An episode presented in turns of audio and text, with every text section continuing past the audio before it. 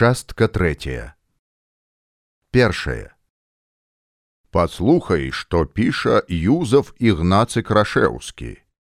Балоты вакол пінска, мноства рэк і рачулак, якія перасякаюць край, вясновыя іх паводкі, якія патапляюць вялізныя прасторы, былі верагодна прычынай існуючага і цяпер падання, што некалі чорнае мора распасціралася да самага пінска. Але нейкі магутны князь кіеўскі раскапаў горы і спусціў воды, якія імі затрымліваліся. Чаму на месцы мора засталіся адны балоты. У доказ гэтага прыводзяць якары, што знаходзяцца пры апрацоўцы палёў. Але дзе гэтыя якары, калі і кім знойдзены, тое невядома. Сыракомля паглядзеў з цікавасцю на кіркора, адпіў колькі глыткоў чырвонага напою, праказаў: « Дзіўна, вельмі дзіўна, палессе былое чорнае мора. Доказы таго, што паданні аб якарах маюць фактычную выснову, знайшліся неўзабаве пасля таго, як крашеўскі пісаў вышэй прыведзеныя радкі. Не толькі якары, але і цэлыя судны накшталт невялікіх караблёў, знойдзеныя былі ў даліне прыпяці, якая звычайна называлася географамі і статыстыкамі беларускім, альбо пінскім палессем, жыхароў якога называюць палешукамі.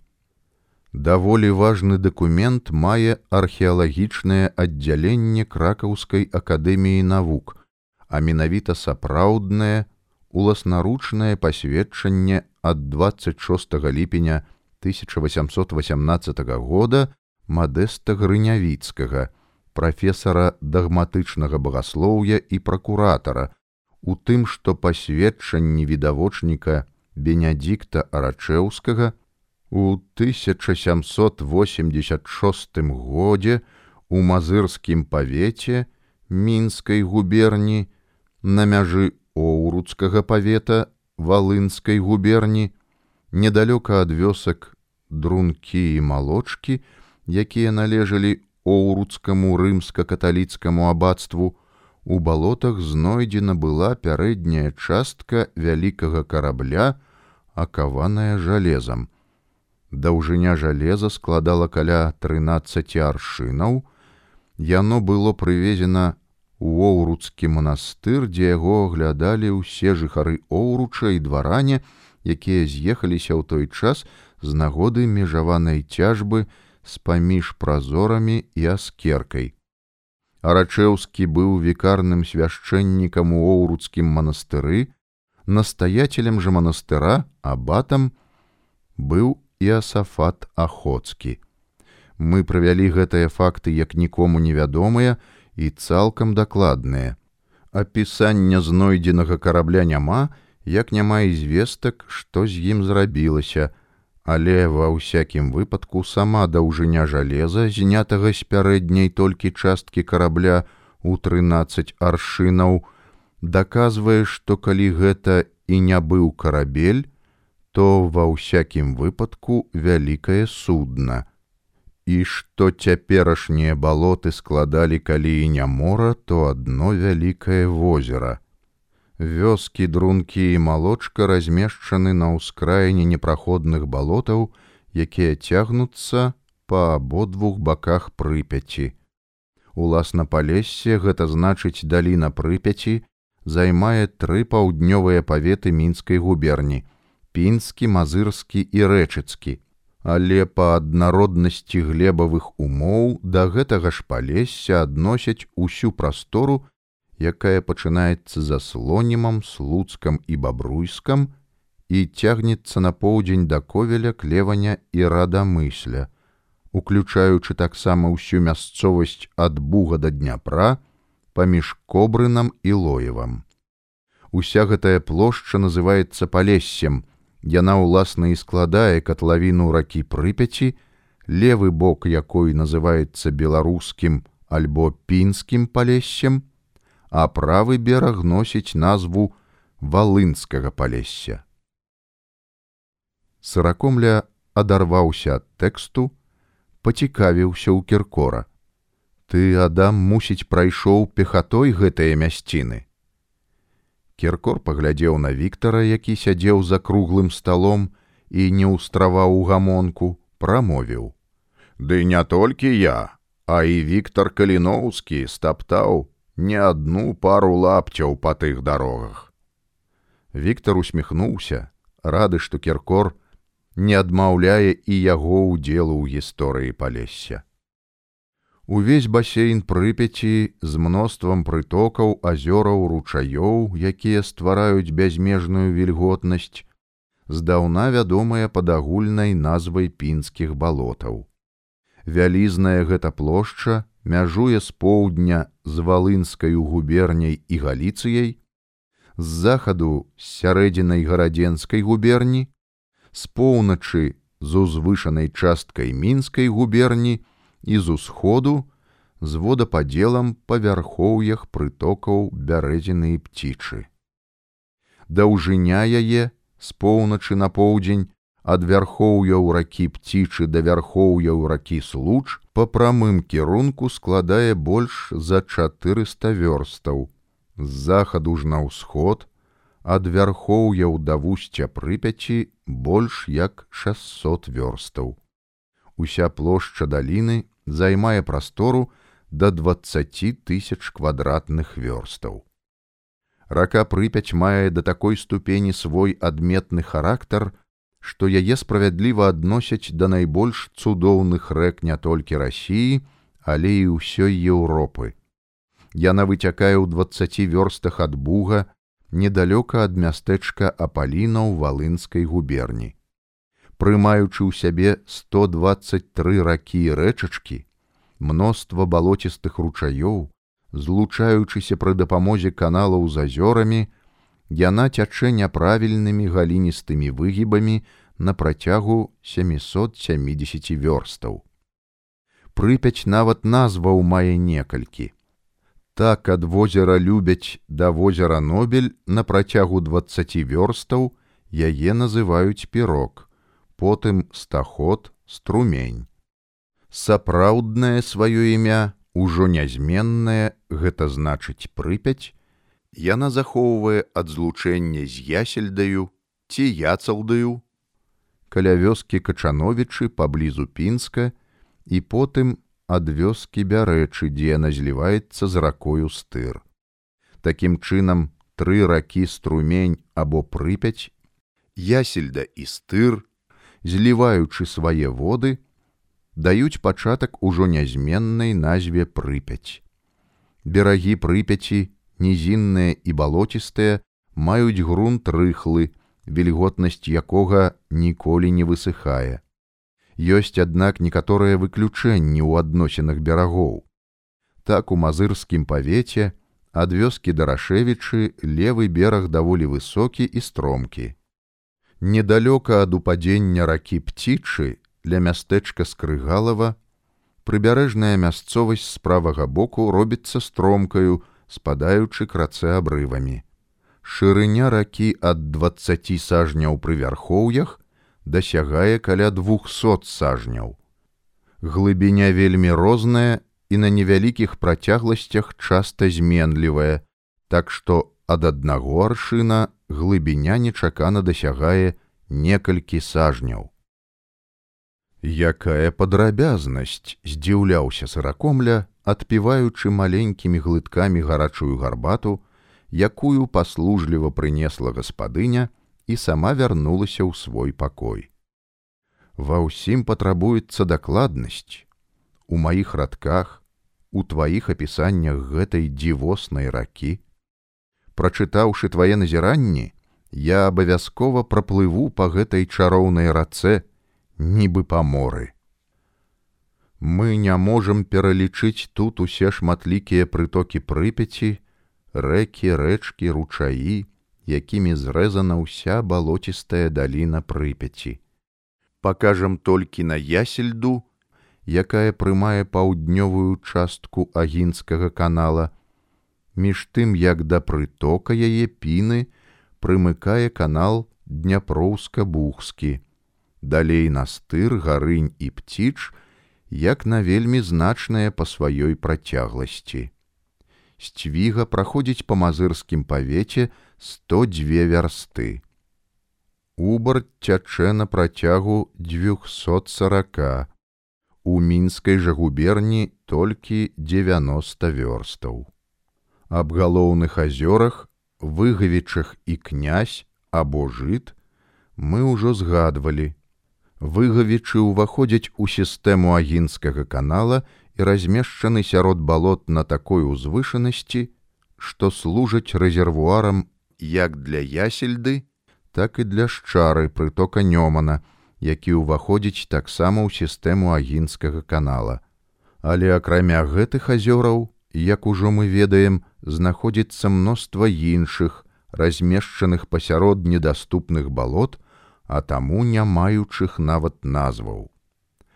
У паўночнай частцы мазырскага павета, паблізу мяжы са слуцкам, часткова і ў пінскім, знаходзіцца славутае балота грычын, што велічна называецца залівам былога мора, аб якім мы ўжо згадвалі. Балота грычын найбольш адметнае ад іншых тым, што яно адкрытае і непраходнае. Паверхня яго займае не меней 500 вёрстаў. Часам толькі ў вельмі гарачае лета яно даступнае для зносінаў, але і то, толькі для вопытных старажылаў і не інакш як па вадзе. На працягу 450 вёрстаў у тым жа мазырскім павеце цягнецца іншае балота, пачынаючы ад левага берага случы ў паўночным баку мазырскага павета. Сярод гэтага балота знаходзіцца возера князь альбо жыт, паблізу якога знаходзяцца паселішчы пухавічы і ляхавічы, адзіныя аазісы, што ажыўляюць гэтую пустынную краіну. На межах гэтага балота знаходзіцца паселішча князь возера, вёска дзякавічы і чатыры іншыя вёскі. Паміж гэтымі паселішчамі зносіны наогул вельмі цяжкія і не заўсёды магчымыя. Чацвёртую частку прасторы мазырскага павета – складаюць непраходныя нізіны, пакрытыя лясамі і балотамі. Толькі левы бераг прыпяці, а таксама навакольныя мясціны мазыра і турава найбольш узвышаныя і зручныя для жыхарства. У астатніх жа частках паселішчы аддалены адно ад другога на дзясяткі вёрстаў і пазбаўлены іншы раз працяглы час усякіх з сабою зносін нават паблізу турава паміж граніцаю пінскага павета і ракою убарцю на 5680 дзесяцін зямлі выпадае ледзь адна вёсачка. Мясцовасць жа прарэзаная ракою з цвігаю, пакрытая бясконцымі лясамі і балотамі, што носяць назву волхавых, зусім не заселеная, так што на прасторы 90 вёрстаў у даўжыню і да 15 ў шырыню няма ніводнай населенай мясцовасці. Наогул у мазырскім павеце на прасторы 1 мільён 468 тысяч дзесяцін знаходзяцца толькі 362 населеныя пункты. У рэчыцкім і бабруйскім паветах шмат балот, але як па займанай прасторы так роўна і па глебавых умовах яны не такія знамянальныя. Цікава, вельмі цікава, уздыхнуў уладыслаў сыракомля. Ты адаме адкрыў шмат чаго цікавага. Пра палесе я шмат чаго не ведаю, хаця шмат прысвяціў гэтай краіне сваіх радкоў. Віктор, што з гэтай нагоды гаварыў прафесор Эйхальд у сваёй геагнозіі. Дадай свае радкі. А шаноўны прафесор вось што гаворыць, адразу падключыўся да тэмы Віктор Каліноўскі. Знамянальны пескавы стэп у палессі Гэта значыць паўночнай частцы валынскай губерні, дзе асабліва ў наваколлях горада ковеля сустракаецца сыпучы пясок, як на марскім беразе балтыйскага мора, і далей балоцістая нізіна па пінскім і мазырскім паветах. Уся гэтая непраходная пескавая і балоцістая раўніна складае сляды вялізнага возера, існуючага там у час герадота, у зямлі старадаўніх будзінаў і злучанага некалі з балтыйскім морам. Сыракомля задумліва пахітаў галавой, штосьці зрушылася ў яго душы, прымушала яе працаваць, але словы яшчэ драмалі ў ім, чакаючы свайго часу. Дадам яшчэ, адкінуўшыся на мяккім крэсле, кіркор пацёр скроні што пінчукі і наогул палішукі, аўтахтоны гэтай незвычайнай краіны, краіны працавітых і таленавітых палішукоў, яны нашчадкі старадаўняга славянскага племені будзінаў, якія засялялі, па словах і сцверджаннях таго ж герадота, усю краіну ад вярхоўяў прыпяці да самага дона. Гэта пацвярджаюць працы і даследаванні прафесара Эйхвальда і сянкоўскага, і мы ім не можам не паверыць. Мы шмат чаго адкрылі для сябе, калі з братам адправіліся ў вандроўку, прамовіў Віктор. Пераканаліся ў тым, што палішукі, як і ўсе беларусы, народ незвычайны, унікальны. Яшчэ пад канец мінулага стагоддзя англічане звярнулі асаблівую ўвагу на пінскае палессе, якому прадказвалі будучыню. Была ўтворана кампанія, якая купіла тураў і распачала неўзабаве свае дзеянні на аснове шырокай эксплуатацыі. Умяшаўся шчаслівы выпадак. Нехта з памагатых цара далажыў яму аб незразумелых, нават шкодных дзеяннях прышлых людзей.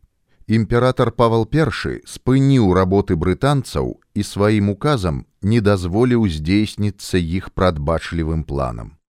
Так што, напэўна, мы хоць аднаму самадзержцу павінны быць удзячныя, што збярог не аддаў нашыя унікальныя мясціны ў чужыя руки. Віктор Каліноўскі ўспамінаў, як яны з братам здзіўляліся побыту балотных людзей, іх дасціпнасці, мудрасці. Жыццём наканавана было гэтым людзям барацьба і змаганне з прыродаю. Тое наклала на палішука свае адмеціны і асаблівыя рысы, устойлівыя погляды, разуменне свайго прызначэння, а ў дадатак яшчэ выпрацавала без пабочнага ўдзелу навукі і цывілізацыі, школы, нават таго жывога слова, якое даходзіць да слыху балотнага чалавека толькі ў выключных абставінах і варунках. Ці часта вы бываеце ў мястэчку, папыталіся браты каліноўскія ў селяніна, спрэс у зрэбным ільняным адзенні, у лапцях, які з гонарам трымаў галаву і, відаць, было ведаў сабе цану. У якім мястэчку перапытаў абарыген. У суседняй вёсцы да гары святаў больш як 50 вёрстаў. Гадоў з 20 не наведваў суседзяў, няма калі прызнацца клопату аж па самае горла. Ды не, у павятовым месцы, дзе начальства сядзіць царскае. Не, паночкі, не бываў там ніколі. Ды і навошта, мне і тут добра. А ты хоць ведаеш пра цара, пра тое, што мужик збіраецца скінуць сябе хамут прыгону? Хамут? Хамут на кані, а не на чалавеку. Паціснуў плячыма паляшук, перахрысціўся, нахіліўшыся да зямлі. А ў царкву хоць ходзіце, ёсць у вас царква. Царквы няма, але святар навучыў нас маліцца, і мы молімся іконе Божай маці і святой троіцы. Яны ўстаноўлены ў самай прасторнай хаце. А які твой самы галоўны занятак, шаноўны спадар? Чым сям'ю корміш, пацікавіўся кастусь. Якімі рамёствамі валодаеш? Чалавек хмыкнуў, паціснуў плячыма, заўсміхаўся рамёствамі, а ў нас няма рамёстваў. Спакон вякоў мы земляробы і жывёлаводы, паляўнічыя і рыбаловы, дрывасекі і пчаляры, кім хочаце можам быць, усё умеем рабіць. А чытаць пісаць хоць умееце? А як же без граматы умеем. Акрамя святого пісання мы яшчэ шляхціца завальню чытаем ці вершы сыракомлі, але то ўжо зімой, калі трохі вольнага часу нам Бог выдзяляе.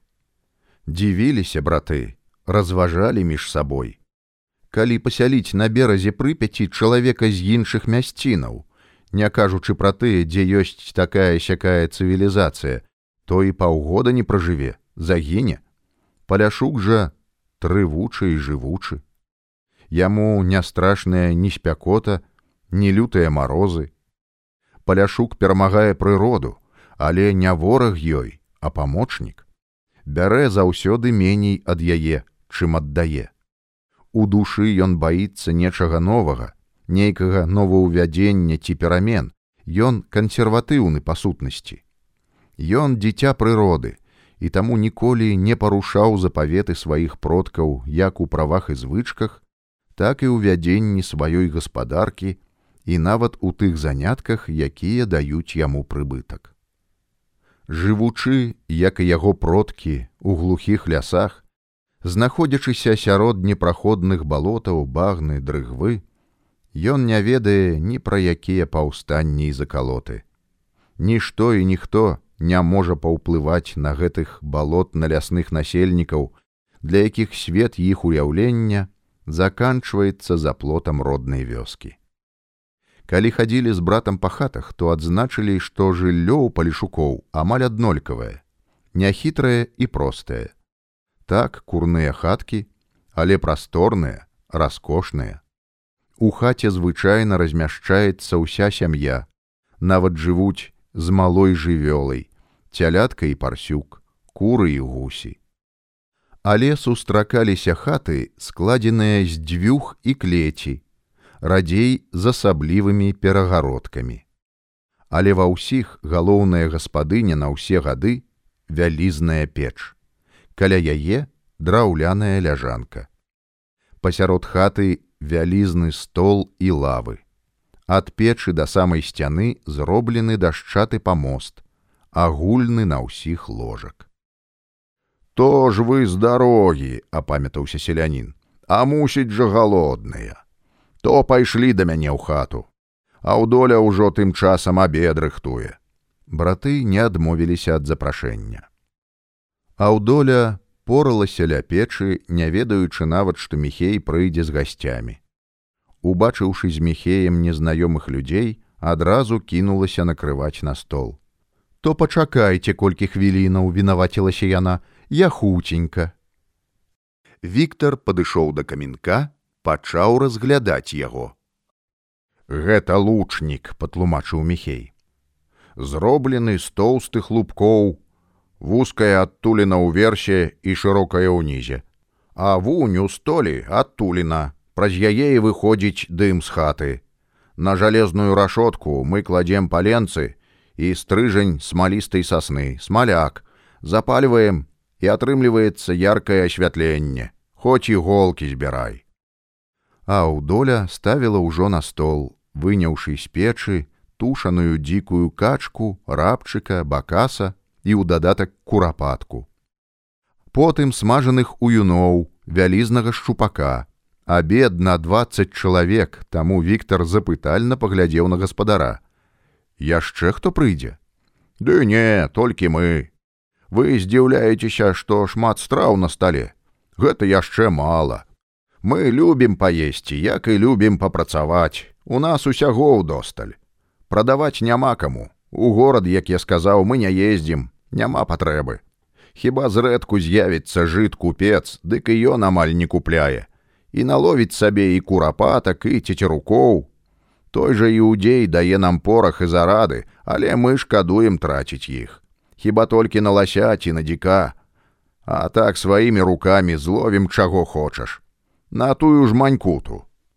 А гэта што такое? Манькута? перапытаў міхей падманка чучала птушки насыплем каля падманкі грэчкі назлятаюцца цецерукі дзясяткамі а то і сотнямі а мы потым на іх мярэжу кідаем бяры тады голымі руками на што страляць Мы іх солім у бочках, вэндзім, як вяндліну. І калі нехта адпраўляецца ў вільню ці іншыя гарады для збыту рыбы ці дзічыны, аддаём ім. Госці накладвалі кожны сабе той стравы, якая кідалася ў вочы. Ніколі яны не бачылі такога багатага стала, такіх пахкіх і смачных страваў. Стараліся браць усяго патрошку, каб паспытаць усе прысмакі. Я прыгнала нашых уцекачоў, у хляве зачыніла, паведаміла гаспадару аўдоля. Кастусь запытальна паглядзеў на гаспадыню, чакаў, калі патлумачыць, што да чаго. Жанчына усміхнулася то нашыя парсюкі. Як толькі пачынаюць падаць жалуды мы іх адпраўляем на гэты пачастунак. З усіх хатаў іх назбіраецца пад сотню а то і больш ды яны так прывыкаюць на волі што потым і дадому вяртацца не хочуць мужикоў яны не прызнаюць а вось нас жанчын якія іх кармілі успамінаюць нашы галасы і адгукаюцца мы іх тады і прыводзім да хаты Маіх усіх было 15 і ўсе цэлыя. 15 перапытаў Віктор. А зімой чым корміце? Ды хапае жыта і бульбы, гарбузоў і кукурузы, абы елі. Міхея, а калі хто захварэе, як паклікаць доктара? А навошта? У нас ніхто не хварэе. А калі хто так, на жывот ці гарачку, то ёсць травы ёсць бабуля знахарка. Калі хто нараджаецца, то кожны мужчына ўмее прыняць роды. Ядык пяцярых прыняў у сваёй аўдолі. Мы ўсё ўмеем. Мы самі сабе лекары, самі і павітухі. Бярыце даражэнькія. Вось у юны каштуйце, смаката незвычайная. А вы ведаеце, шаноўныя, што сушоныя ўюны развозяць ад нас па розных гарадах, у Кіяў і вільню. Казалі нам, што яшчэ чатыры стагоддзі назад у вільні на вялікай вуліцы, якая называецца амбары, пінчукі прадавалі свае тавары: сушаную і вэнджаную рыбу, сала, кумпякі, салёныя качкі ў бочачках, грыбы сушаныя. А яшчэ воск і мёд, палатно і асаблівую тонкую тканіну для завешвання вокнаў, каб не ляцелі мухі і камары. А якія зімовыя шапкі цёплыя выраблялі. А жыхары давыд гарадка і Петрыкава прысылалі самаробныя непрамакальныя боты, апрацаваныя дзёгцем. То вы думаеце, што калі паляшук, дык толькі ў лапцёг ходзіць. Ды не, ён як пан на сваёй зямлі, што летам, што зімой. У мяне вун на кожнага папары, але і ад лапцей не адмаўляемся. Пахадзіць па цёплым балоце летам адна салода. Потым аўдоля прынесла ў глінянай місе салёныя рыжыкі, у другой баравічкі. Паставіла перад братамі, ласкава усміхалася, радая, што яны не адмаўляюцца ад яе страў. У нашай вёсцы людзі дажываюць да 110 гадоў, тлумачыў ахвочы да слоў мацей, выціраў сурветкай губы ад тлушчу. Так цяжкая праца непасільная, бо прыгонныя мы дарма што вольныя. Але вольныя умоўна, бо мы ў балотнай клетцы, куды пасяліліся па добрай волі, адкуль няма ні выхаду, ні праходу. На сухоты ў нас ніхто не хварэе. Напэўна, балоты нашы лекавыя, прыдатныя для жылля і наколькі прыгоннае права дае пра сябе знаць, не ўтрымаўся, папытаўся малодшы каліноўскі. Ці не хацелі б вы быць зусім зусім вольнымі, не адрабляць паншчыну, быць самі па сабе. Мацей прыжмурыў вока, хітранька усміхнуўся. Самі па сабе, А дзе гэта такое ёсць у свеце? Ёсць селянін і над ім пан, ёсць рабочы, а над ім фабрыкант, ёсць чалавек, няхай хоць цар, але і над імі Бог. Не, браточки, вольнымі мы ніколі не будзем, ні пры якой уладзе. Такога не можа быць. А прыгоннае права. Мы не выходзім на паншчыну, але аддаем частку з таго, што вырабляем. Мы ведаем, што мы ў пана заможскага. але яго ніводнага разу не бачылі. І нам так добра. Мы самі па сабе, як ты кажаш. Кастусь дастаў з кішэні некалькі газетак, падаў мацею. Гэтая газетка для мужикоў, для прыгонных мужикоў. Раз ты мацей кажаш, што валодаеш граматай, то я думаю, што ты прачытаеш яе сам і потым прачытаеш іншым. Па ўсім краі паўстае мужик, каб пазбавіцца гэтага ярма, паншчыны, прыгоннага ўціску. Калі не можете самі ўзяцца за косы і вілы, хаця ў нас ёсць і зброя, то мы просім, каб вы дапамаглі ў паўстанні, памаглі тым, што ў вас ёсць адзеннем правіянтам. Мацей прачытаў: Мужыцкая праўда. Прабег вачыма па радках, перагарнуў, прачытаў унізе. Яська з-пад вільні. Гэта хто? Мужык, дваранін, пан? Кастусь заківаў галавой.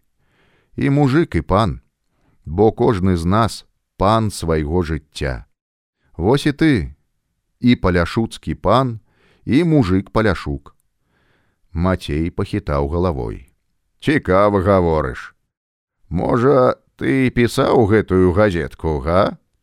Усё можа быць мацей. Дык як з маім пытаннем. Гаспадар падпёр рукой сівую бараду, пашкроб яе тоўстым пальцам задумаўся. Уздыхнуў, паглядзеў пільна ў вочы хлопцу. Гаспадыня, адчуваючы, што яе прысутнасць непажаданая, паднялася і выйшла з хаты. Чулася яе спрадвечнае цып-цып-цып, склікала курэй, сыплючы на зямлю пшаніцу і проса. Калі ўсе сяляне бяруцца за зброю, то ці можам мы заставацца ў баку? Безумоўна, не мы не толькі будзем памагаць харчам, а і выдзелем некалькі дзясяткаў мужикоў для паўстанцкіх атрадаў.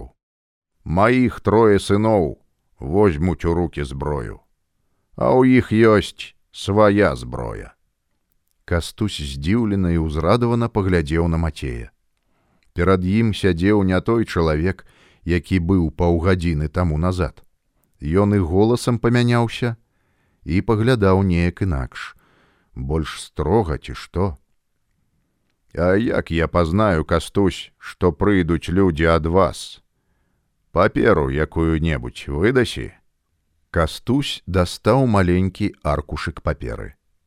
Вось распараджэнне і загад аб прызначэнні цябе, Мацея палескага, кіраўніком паўстанцкага атрада. Ты загадзя падрыхтаваў як і ведаў, што я згаджуся, падзівіўся Мацей, разглядаючы паперку. Ведаў, спадзяваўся, што ты не адмовіш. Твой так пан сказаў, заможскі. Заможскі, акругліў вочы гаспадар. Не можа таго быць. Можа, Мацей, можа. І ён уваходзіць у нашу падпольную рэвалюцыйную арганізацыю. Дзівосы, паціснуў плячыма паляшук мацей. Дык справа паўстання вельмі сур'ёзная спадар каліноўскі. Так, вельмі і вельмі. Вось па гэтаму я прыехаў да вас у гэты, раней бы сказаў Богам забыты край. Аж не, Богам падораны рай, выдатны край. А цяпер нам мацей пара, да цемнаты трэба дабрацца да навасёлаў, а там нас чакае новая дарога. Дзякуй за пачастунак. Конь быў накормлены, на дарогу гаспадар даў мяшок аўса. А аўдоля сабрала яды, поўны кашель наклала, што і падняць было цяжка. Гаспадар прыладкаваў яго каля драбін, прывязаўшы вяроўкай да білаў. Добрай дарогі, кастусе Віктор, Няхай памагае вам Бог і вам аўдоля і мацей да пабачэння Віктор матлянуў пугай і конік шпарка пабег па пясчаным узгорку потым уехалі ў прыцемкавы тунэль і чуваць было як колы мясілі балотны глей і ён прыліпаў да абадоў потым спадаў плюхаючыся ў балотную твань Канстанцін Каліноўскі застаўся задаволеным паездкай, але нешта прыгнятала яго ў душы, а што сам зразумець не мог. Пры такім дастатку ён не ўбачыў у вачах палішукоў скруху ці гора. Яны адчувалі сябе амаль вольнымі людзьмі, маючы што паесці і ў што апрануцца. Толькі ці зразумеюць яны, што гэта ўсё часова, што расійскія валанцёры потым могуць іх абкласці такім аброкам і прыгнётам, што і дыхнуць не здолеюць. Не дабраліся, дык дабяруцца да нетрыскаў палішукоўскіх, будуць насаджаць сваё, прынесенае з усходу, правіць і дыктаваць свае парадкі і законы. Але ці трэба чакаць таго часу, калі прыпячэ палішуку, калі пачне зашморгвацца на яго шыі нябачная пятля, тады будзе задужа позна. Абуджаць іх трэба цяпер, але хто будзе абуджаць? Ці знойдзецца шмат такіх людзей, якія змогуць дабрацца ў такія нетрыскі, Ды не толькі дабрацца, а і падабраць ключы да іх душаў, словы знайсці адпаведныя, пагаварыць з імі на іх мове. Ён адкрыў для сябе невядомае палессе, невядомых дагэтуль палішукоў, невядомую балотную краіну, поўную загадак і дзівосаў, духоўнай моцы і сілы, супраціву і цярпення, якія драмалі, чакаючы свайго зорнага часу. Заседзеліся ў кіркораў дапазна. Гаворцы, здавалася, не было канца. Гелена раз пачаставала сваіх гасцей і другі. Адам Кіркор усё не адпускаў каліноўскіх. Кастусь прыкмеціў, як перамергнуліся цёпла і затое на сыракомля і гелена. Убачыў, і тут жа адвёў позірк, схіліў галаву і глядзеў пад ногі. Няўжо паміж імі нешта існуе, міжволі падумаў, не падымаючы галавы. Добра было б далучыць і іх да агульнай працы. Найбольш для гэтага падыходзіць зразумела Гелена, хаця сыракомля сваімі вершамі даўно далучаны да рэвалюцыйнага руху трэба выбраць зручны момант і пагаварыць пра гэта з гаспадыняй, але без сведкаў адзін на адзін. Адбылося тое зусім нечакана. Ідучы ў тэатр, Гелена нечакана сустрэла на вуліцы Канстанціна Каліноўскага. Ён спяшаўся некуды, быў унураны ў сябе, нікога не заўважаў і знаходзіўся напроці леглай вуліцы. Канстанцін! пагукала яна. Кастусь! Ён спыніўся, не зразумеўшы адкуль голас. Убачыў жанчыну, накіраваўся да яе. Добры дзень, пані Гелена, добры дзень, даруйце, што не заўважыў вас і не павітаўся першы. Жанчына заусміхалася, гледзячы ў яго блакітныя вочы, адзначаючы, што яны ў яго трохі асіметрычныя, але гэта дадавала яго абліччу нейкую, глыбокую адметнасць. Вы з-за сваіх рэвалюцыйных думак зусім перасталі бачыць навакольны свет. Бачу, што вы спяшаецеся, таму адыму у вас усяго колькі хвілінаў. Яна павярнулася, зрабіла крок, даючы тым самым зразумець, што яны павінны не стаяць на месцы, і людзі не скіруюць на іх увагу. Вы здзівіліся, калі я сказала пра вашыя рэвалюцыйныя думкі, не здзіўляйцеся. І ўбачыла, як вы перахапілі мой погляд, калі я глядзела на ўладыслава. Усё прыкмячаеце. Ён маўчаў, не ведаючы, куды хіліць вядомая актрыса. Я хачу далучыцца да агульнай вашай справы. Я па сіле магчымасці магу выконваць вашыя даручэнні. Па тэатральных клопатах я наведваю варшаву і петербург парыжы лондон. Не так часта але наведваю. Каліноўскі маўчаў чакаў што яна скажа далей. Вы можете мною перадаваць вашыя паперы вашим давераным людзям а я прывозіць ад іх і перадаваць тут на месцы. Дык як, дваранін каліноўскі. Вы апярэдзілі мяне, паважаная пані Гелена. Кастусь не паварочваўся да яе, але іх плечы амаль датыкаліся адно да аднаго, і голас яго быў строгі і адначасова даверлівы. Я сам хацеў прапанаваць вам удзел у рэвалюцыйнай справе яшчэ тады, калі знаходзіўся з братам у вас. Які мілы і хорошы ў вас брат? Як высока яго ацэньвае кіркор? Дякую, пані Гелена. Ён паказаў мне рэвалюцыйны шлях і не толькі мне, а вы самі прапанавалі свой удзел. Дякую, вельмі дзякую. На наступным тыдні ў нас спектакль. Я запрашаю вас, Вікенцій Канстантин. На жаль, заўтра ад'язджаю ў Петербург, але пазней абавязкова пагляджу спектакль з вашым удзелам. Яны спыніліся перад уваходам у тэатр.